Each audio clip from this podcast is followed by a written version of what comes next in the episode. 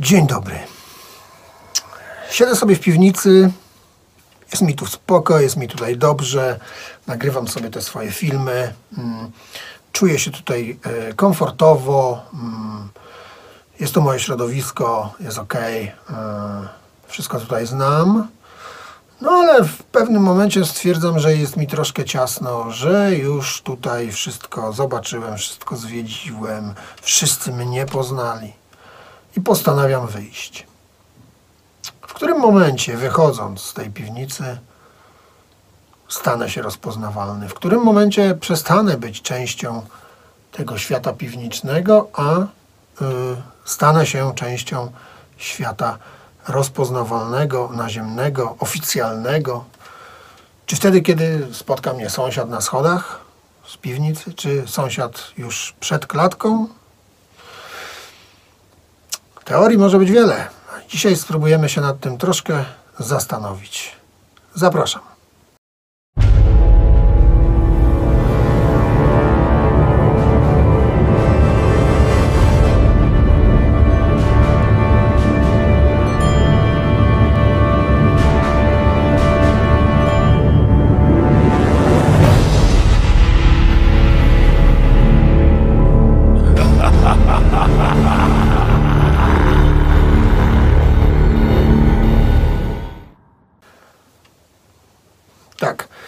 Nie wybrałem sobie prostego tematu, ale pomyślałem sobie, że mm, jeśli są to podziemne opowieści, mm, to wypadałoby najpierw to podziemie gdzieś oczywiście określić.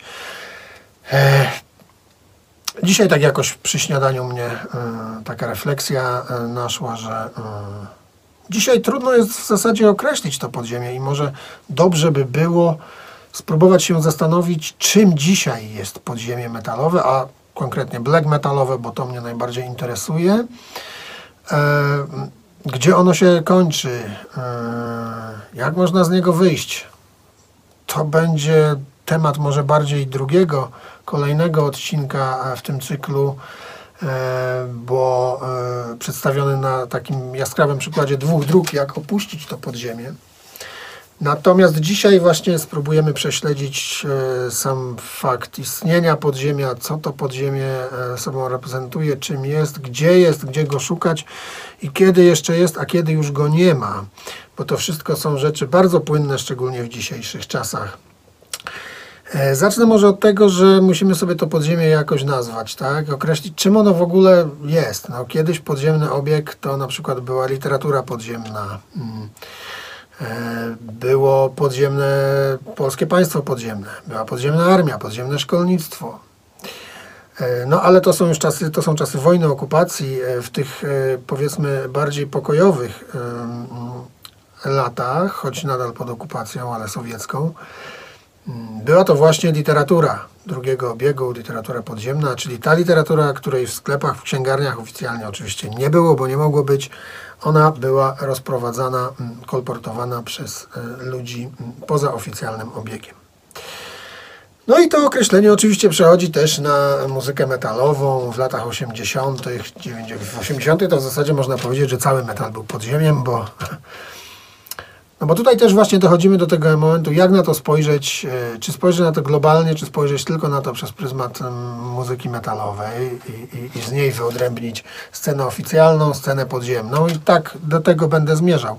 Natomiast musimy sobie też szczerze powiedzieć, że kiedyś ten metal cały był podziemiem, po prostu, sam w sobie. To był podziemny gatunek muzyczny. Mm, W zasadzie e, e, to, co było oficjalne, to było tak znikome, mm, że ten, ta góra lodowa to, to dół był e, podziemiem, a e, ten czubek to tylko to, co było oficjalnie dostępne. Teraz to się oczywiście zmieniło na przestrzeni lat. I teraz bez problemu, przynajmniej w latach 90. można było już dużo łatwiej wyodrębnić te podziemne e, zespoły od tych zespołów, które gdzieś tam uderzały już do oficjalnego obiegu. Tak więc to podziemie mamy już ustalone, że jest to ten drugi obieg. Drugi obieg, y, czyli w naszym przypadku, metalowym przypadku, y, coś, co y, raczej nie występuje lub nie występowało w sklepach muzycznych. No teraz to już za bardzo sklepy muzyczne nie występują, ale, no, ale dobra. Mówię oczywiście o takich stacjonarnych sklepach. No więc kiedyś, pamiętam, pamiętajcie, mówimy teraz o czasach przedinternetowych, bo to dużo zmieni w tej opowieści. E, więc kiedyś tym podziemiem na pewno były te wszystkie demówki e, przegrywane, kserowane, kopiowane w domach e, i rozsyłane, tak jak demówki Wejdera słynne, na przykład, które zrobiły wielkie nakłady, tak jak wiele innych demówek, ale nie tylko demówki, bo i pełne wydawnictwa. I nie tylko oczywiście kasetowe. W Polsce kasetowe głównie, natomiast podziemie nie istniało tylko w Polsce. Wszystkie te rzeczy, które gdzieś tam były tworzone przez ludzi mm, niechcących wychodzić zbyt szeroko e, na świat ze swoją muzyką, chcących zostać e, bliżej ideałów, e, które gdzieś tam na początku wyznawali i wyznawali je cały czas. I myślę, że to też jest ważna myśl, którą zachowamy na później, bo to jest taka myśl, która mi tutaj buduje potem już finalną konkluzję, jak to z tym podziemiem jest. No ale idziemy dalej. No i mamy to podziemie, czyli nawet te ziny, też przecież oczywiście musimy o zinach pamiętać. Jakieś te małe wytwórnie, mm, które wydają po kilka kasetek rocznie, albo nawet i mniej. y, I to jest wszystko, ale właśnie kserują je gdzieś po domach. No to wszystko jest podziemie, tak? Takich rzeczy raczej się w sklepach muzycznych nie kupowało. E, szczególnie na zachodzie myślę, mm, e, gdzie były duże te sklepy muzyczne na przykład, no i w takich molochach to już w ogóle takich rzeczy nie, nie można było dostać. E, No a potem wszystko się zmieniło, no bo przyszedł internet. Przyszedł internet i tak naprawdę zrównał jednych z drugimi w dużej mierze, bo przecież w tej chwili dostępne jest wszystko, mamy wszystko, możemy wszystko znaleźć. Wystarczy jedno, dwa kliknięcia. Oczywiście trzeba jeszcze wiedzieć, gdzie i czego szukać, ale o tym za chwilę. Najpierw o tym, że teraz wszystko jest wszędzie i to jest fakt. Czyli z jednej strony możemy na przykład y, Maidenów y, znaleźć w tym internecie i tak samo w tym internecie możemy znaleźć, nie wiem, strzelam sobie teraz powiedzmy y, Hell's Coronation, które bez wątpienia jest podziemnym zespołem. E, Równie dobrze e, możemy sobie e, tam e, podstawić 10 innych nazw, czy nawet 20, jak tam chcecie. Taka mi przyszła na myśl. Pozdrowienia e, dla Zepara. Mm, Tak, no.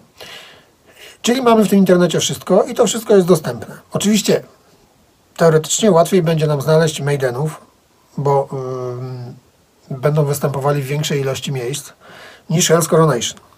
Ale z drugiej strony, po wpisaniu w Google Hell's Coronation też nam wyskoczą te wyniki, więc znajdziemy.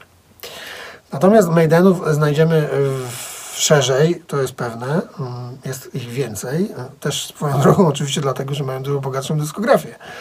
Ale chodzi mi o to, że e, będzie tych wyników e, więcej, ale też paradoksalnie mm, wiele z nich może być dostępnych trudniej, bo trzeba będzie na przykład za nie zapłacić. No, ale dobra. Mamy ten internet, czyli w tej bańce internetowej możemy znaleźć wszystko. No, Ale tutaj właśnie dochodzimy do, do tego, o czym mówiłem wcześniej, czyli trzeba wiedzieć, czego szukać. I tutaj to jest jeden taki podstawowy według mnie wyznacznik też, czy coś jest podziemne, czy nie. Czyli czy w ogóle o tym słyszeliśmy. No bo o tych y, kapelach, jeśli się jest metalowcem od iluś tam lat, y, to o tych kapelach oficjalnych, y, znanych od lat i tak dalej, to się słyszało, tak? Natomiast ja na przykład, który tyle lat siedzę w black metalu, kocham go, eksploruję go rok w rok, ileś tam tych kapel poznaję, nadal uważam, że znam może, nie wiem, jedną trzecią całości światowej, a pewnie nawet nie. Taka jest prawda. Natomiast mm, i taki average e, metalowy fan, wiecie, taki po prostu zwykły, normalny Kowalski metalu, e, no to on takich Maidenów będzie kojarzył, Behemota będzie kojarzył, Wejdera będzie kojarzył, ale już Hell's Coronation może nie kojarzyć. Może nie kojarzyć Teufelsberg, może nie kojarzyć Celestial Sword, może nie kojarzyć wielu, wielu innych nazw. E, Cenotaph, Necropol, nieważne, Satanic Warmaster nawet. E, który dla mnie jest na przykład już prawie, y, wiecie, w oficjalnym obiegu, a y, z mojego punktu widzenia oczywiście, y, a daleko mu do stricte podziemnej kapeli, jeśli porównam go na przykład z jakimś, nie wiem, Harchaopisten Eli Papitar, czy, czy jakimiś innymi zabawnymi nazwami z Finlandii i nie tylko z Finlandii. To też oczywiście wszystko zależy od punktu siedzenia, od punktu widzenia, bo co dla jednego jest podziemiem, dla drugiego już nim praktycznie nie jest, choć zgadzam się, że na pewno Satanic Warmaster bliżej do podziemia niż do mainstreamu, to jest pewne. No, więc tak, mamy to, że e, ten Kowalski metalu łatwiej mu będzie znaleźć Maidenów, Sodom, Saxon niż e, Hell's Coronation. Czy nawet tego rzeczonego Behemota, jeśli będzie chciał uderzyć bardziej w te klimaty. E, Black Death, e, tu już nie będę wchodził w szczegóły. Nie, nieistotne. W każdym razie, nie o tym dzisiaj. Mm. E, no. Więc on nie znajduje tego Hell's Coronation. Więc ten Hell's Coronation jest cały czas w podziemiu. Ale jeśli już usłyszy o tym Hell's Coronation, to znajdzie go bez problemu. Kiedyś na przykład tak wcale nie było. Bo kiedyś problem był taki, że mogłeś nawet o tej kapeli usłyszeć. Okej, spoko. Ja na przykład miałem tak przez długi czas z Imperatorem i kultowym albumem Time Before Time.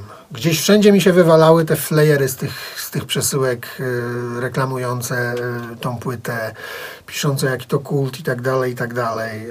Y, wszędzie widziałem to charakterystyczne logo, już miałem je w pamięci wryte. Ale nie mogłem dorwać tego wydawnictwa. Wreszcie po jakimś czasie oczywiście je dorwałem, ale to też nie było tak, że Wyleciał mi flyer z koperty, aha, dobra, to siadam sobie do kompa, klik, klik, klik, imperator wpisuje i bach, mam, odsłuchuję, ale super, dobra, kupuję, bach, wchodzę, sklep jest, bach. No gdzie tam, zapomnijcie. No więc właśnie, to jest też to, taki drugi wyznacznik według mnie, który y, można by za tą podziemność, czyli oczywiście no, rozpoznawalność, nie? No bo mm, ta rozpoznawalność Dostępność już nie bardzo, no bo dostępność tym razem w tej chwili właśnie tak jak już udowodniłem, no jest taka sama Maidenów jak i Hell's Coronation w zasadzie. No, po, poza tym, że faktycznie, ale za Hell's Coronation też po jakimś czasie trzeba zapłacić na przykład na takim bandcampie, tak. Na YouTube już nie. E, no. Ale ta rozpoznawalność nadal jednak, oczywiście o tym i to jest chyba też taki jeden z podstawowych wyznaczników, że ktoś nadal w tym podziemiu siedzi, czyli ta rozpoznawalność, jeśli nie wiem, 40 osób na, na, na, na jakimś gig, na którym jest paręset osób, to nie wiem, 40 osób kojarzy jakiś zespół, no to, to raczej jest y, ten taki mniejszościowy zespół niż większościowy, tak? E, więc e, trudno jest e, dzisiaj oddzielić często podziemie od mainstreamu. Znaczy w ogóle mainstream to też jest do kitu pojęcie, bo to tak naprawdę ten mainstream to się od razu kojarzy z jakimiś, wiecie, hip-hopami, nie wiem, tam piosenkarkami pop i tak dalej. No a to przecież nie taki mainstream. E, ale mówiąc mainstream, mam tutaj na myśli zespoły, które jeżdżą właśnie w trasy po świecie, gdzieś tam. O, takim typowym mainstreamowym, metalowym zespołem jest dla mnie Behemoth. Mm, blisko nam do niego, bo to polski zespół. No więc mm, mm, też, y, ale na przykład dla niektórych to nadal może być podziemny zespół, aczkolwiek oczywiście tutaj już w spojrzeniu globalnym, e, w spojrzeniu całościowym, jeśli idzie o muzykę. No bo gdzie mu tam popularnością do jakiejś tam Seleny Gomez, czy nie wiem, do, do, do jakichś tam w ogóle tych super popularnych wykonawców, tak? Nie znam się za bardzo, akurat tam mi tutaj wpadła na, do głowy. E, nie wiem, może mógłbym tam jeszcze coś wymienić. E, Michael Jackson to chyba nie gra, nie? Nie, chyba nie. Dobra, no, no to wiecie. To z tego punktu widzenia. Natomiast w metalu oczywiście Behemoth już podziemnym zespołem od dawna nie jest. No i teraz mm, pytanie, kiedy on z tego podziemia wyszedł? Co się takiego stało? No to nie jest na dzisiejszy odcinek, ale kiedy wyszedł? No wyszedł wtedy, kiedy tak naprawdę stał się, e, bo jak to zrobił i tak dalej, to o tym będę mówił w następnej części tego cyklu. Natomiast kiedy, kiedy e, tak naprawdę przestał być tym podziemnym zespołem? No kiedy zmienił wytwórnię na większą, kiedy zaczął grać trasy po, po Europie, ale jeszcze wtedy nadal tym podziemnym zespołem mógł być, bo tutaj tak naprawdę decydowała w moim mniemaniu mentalność, mentalność Nergala, o tym, że ten zespół przestał być podziemny, o tym, że ten zespół już nie chciał być podziemny, o tym, że ten zespół chciał być jak najbardziej rozpoznawalny, nawet przez panią Stefcie w Warzywniaku i ten Warzywniak mógł być równie dobrze w Meksyku, jak i za Uralem. O to mu chodziło, tak? Żeby, żeby ten zespół był jak najbardziej rozpoznawalny. I tutaj zmierzam do tego, mm, do clue dzisiejszego, dzisiejszych rozważań, które oczywiście pełne są chaosu. Sam się już pewnie w tym pogubiłem wszystkim, bo to są niesamowicie pochrzanione i złożone kwestie. Mm, ale zachowałem sobie wcześniej tą myśl o tej tożsamości, o tej świadomości muzyków, o ich podejściu do sprawy, e, o tym, jak oni sami do tego chcieliby podchodzić. I to jest według mnie taka konkluzja najważniejsza, że ten podziemny zespół y, to podziemny muzyk. tak naprawdę. To podziemne serce, podziemne podejście. Bo w czasach, gdy wszystko mamy dostępne na wyciągnięcie ręki, trudno znaleźć jakieś takie bardzo, mm, bym powiedział, mm, miarodajne wyznaczniki podziemności, poza oczywiście milionowymi nakładami, e, trasami po e, całym świecie i tak dalej, nie? to wiadomo, to odpada. Ale kiedy wchodzimy w tą taką szarą strefę, gdzie te zespoły tak naprawdę się przenikają, bo jeden wydaje, nie wiem, e, sprzedaje swój nakład w dwa tygodnie, a trzeci w dwa miesiące, a drugi w dwa miesiące. Jeden gra w klubach dla 300 osób, a drugi gra w klubach dla 500 osób i tak dalej, gdzie to wszystko jest dosyć blisko siebie. To według mnie mm, te rzeczy, y, które decydują o tym, czy dany zespół możemy jeszcze określić podziemiem, czy nie, y, to podejście y, do samej sprawy muzyków. Bo ja na przykład ciągle będę gdzieś uważał, że mgła jest wciąż w dużej mierze zespołem podziemnym. A to ze względu na swoje podejście do marketingu, do wydawania swoich materiałów, do tego, że sami to wszystko robią, to, że grywają na tych festiwalach i tak dalej, to okej, okay, no grywają. Wiadomo, to gdzieś powinno ich wyrzucać poza nawias tej podziemności, ale według mnie też mocno ich sytuuje mm, bo w tej podziemności, bo poz, inaczej, pozwala im na tą podziemność po prostu. No, dzięki temu mają te środki na to, żeby być sami e, sobie panami i sami decydować o swoim muzycznym losie i artystycznym losie i wydawniczym losie i tak dalej, i tak dalej a całą resztę poza tym koncertowym życiem mają jak najbardziej podziemną według mnie, bo, bo przecież y, te wydawnictwa, pomimo że oczywiście dostępne jak najbardziej i tak dalej, to sam zespół nie robi wokół tego jakiegoś wielkiego medialnego cyrku, wręcz w ogóle go nie robi, bym powiedział. Więc gdzieś tam jeszcze ta podziemność w nich jest. E, ale oczywiście to nie jest jedyny przykład, bo tych przykładów jest dużo więcej. Zespoły, które po prostu grają, e, wydają te płyty e, w nakładach paręset sztuk, bo taki jest teraz zresztą nakład płyt. Najczęstszy. E, normalnie pracują na co dzień i tak dalej. Podchodzą do tego, że jest to ich po prostu pasja, miłość i zajęcie po godzinach. I są podziemne z takiego, z tym podejściem, że to nie jest tak, że, że zaraz ktoś powie, a bo po im po prostu nie wyszło tak jak Nergalowi. To nie jest tak, że mnie to w ogóle wkurza i też kiedyś chyba o tym zrobił odcinek. To nie jest tak, że wszyscy nagle Darskiemu zazdroszczą nie wiadomo czego, bo zrobił, bo zrobił sobie wielki sukces e, na świecie i zarabia na tej muzyce. No i spoko, niech sobie zarabia. No. E, tylko jakim kosztem? No? Robienia z siebie debila? No proszę was. No. no to czego mu zazdrościć? Więc jak widzę kolejnego kretyna, który mi gdzieś tam na fejsie wypisuje, że a, bo zazdrościsz na pewno Adasiowi. Nie, nie zazdroszczę, bo nie mam czego. No. Co, machania fujarą w internetach, no, no to tego mu zazdrościć? Trzeba być debilem, żeby takie rzeczy robić. No ale dobra, kichać.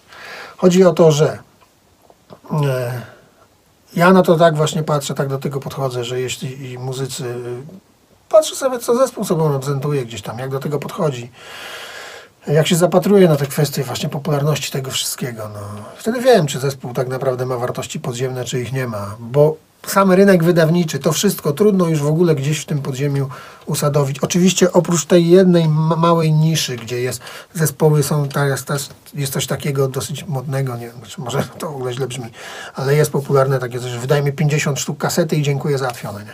No to dobra, to jest oczywiście też stricte, to są takie dwa bieguny. Mamy te 50 sztuk kasety, gdzie jest y, totalnie malutki nakład i w ogóle nie ma tego w netach i tak dalej, jest 50 sztuk, wie o tym 100 osób, powiedzmy te 100 osób zabija się o te 50 sztuk. E, I mamy na drugim biegunie te zespoły, gdzie te nakłady idą w setki tysięcy, czy tam w tysiące, po prostu oni grają gdzieś tam po całym świecie e, koncerty i tak dalej, ale w środku właśnie największa jednak jest właśnie ta strefa środkowa, tak? ta szara strefa bym powiedział, ta klasa średnia. I ta klasa średnia bardzo często, wielu z nich aspiruje oczywiście do tych milionowych nakładów, czy tam setek tysięcy nakładów i z koncertów w dużych klubach. Część z nich y, jest czuje się świetnie w tym miejscu, w którym jest. I to są właśnie ci prawdziwi podziemniacy według mnie. Ci, którzy się dobrze w tym czują i pokazują to w tym, tak? Tu zagrają koncert tam, gdzie zagrają, albo żadnego wielkiego parcia, albo w ogóle tych koncertów nie grają. Więc dzisiejsze podziemie to jest raczej, mm, konkludując, już kończąc, bo ten film już jest za długi i nikt i tak do tego momentu nie dotrze. Według mnie tak widzę i jeśli ktoś to widzi inaczej, zapraszam do dyskusji. Jak najbardziej piszcie, co uważacie. E, dzisiejsze podziemie to bardziej stan ducha e, a nie stan konta i stan e, wydawniczy. Mm, e, Tylko e, to, co masz w sobie, a nie to, co masz na sobie. Tak bym to podsumował, tak to widzę. Mm, Jeśli macie inne przemyślenia, piszcie, dawajcie znać. Chętnie, chętnie podyskutuję, a w najbliższym odcinku z serii Podziemne Opowieści przyjrzymy się dwóm drogom wyjścia z tegoż podziemia mm, na przykładach mgły i behemota. Na dzisiaj to wszystko. Dziękuję bardzo. Do następnego.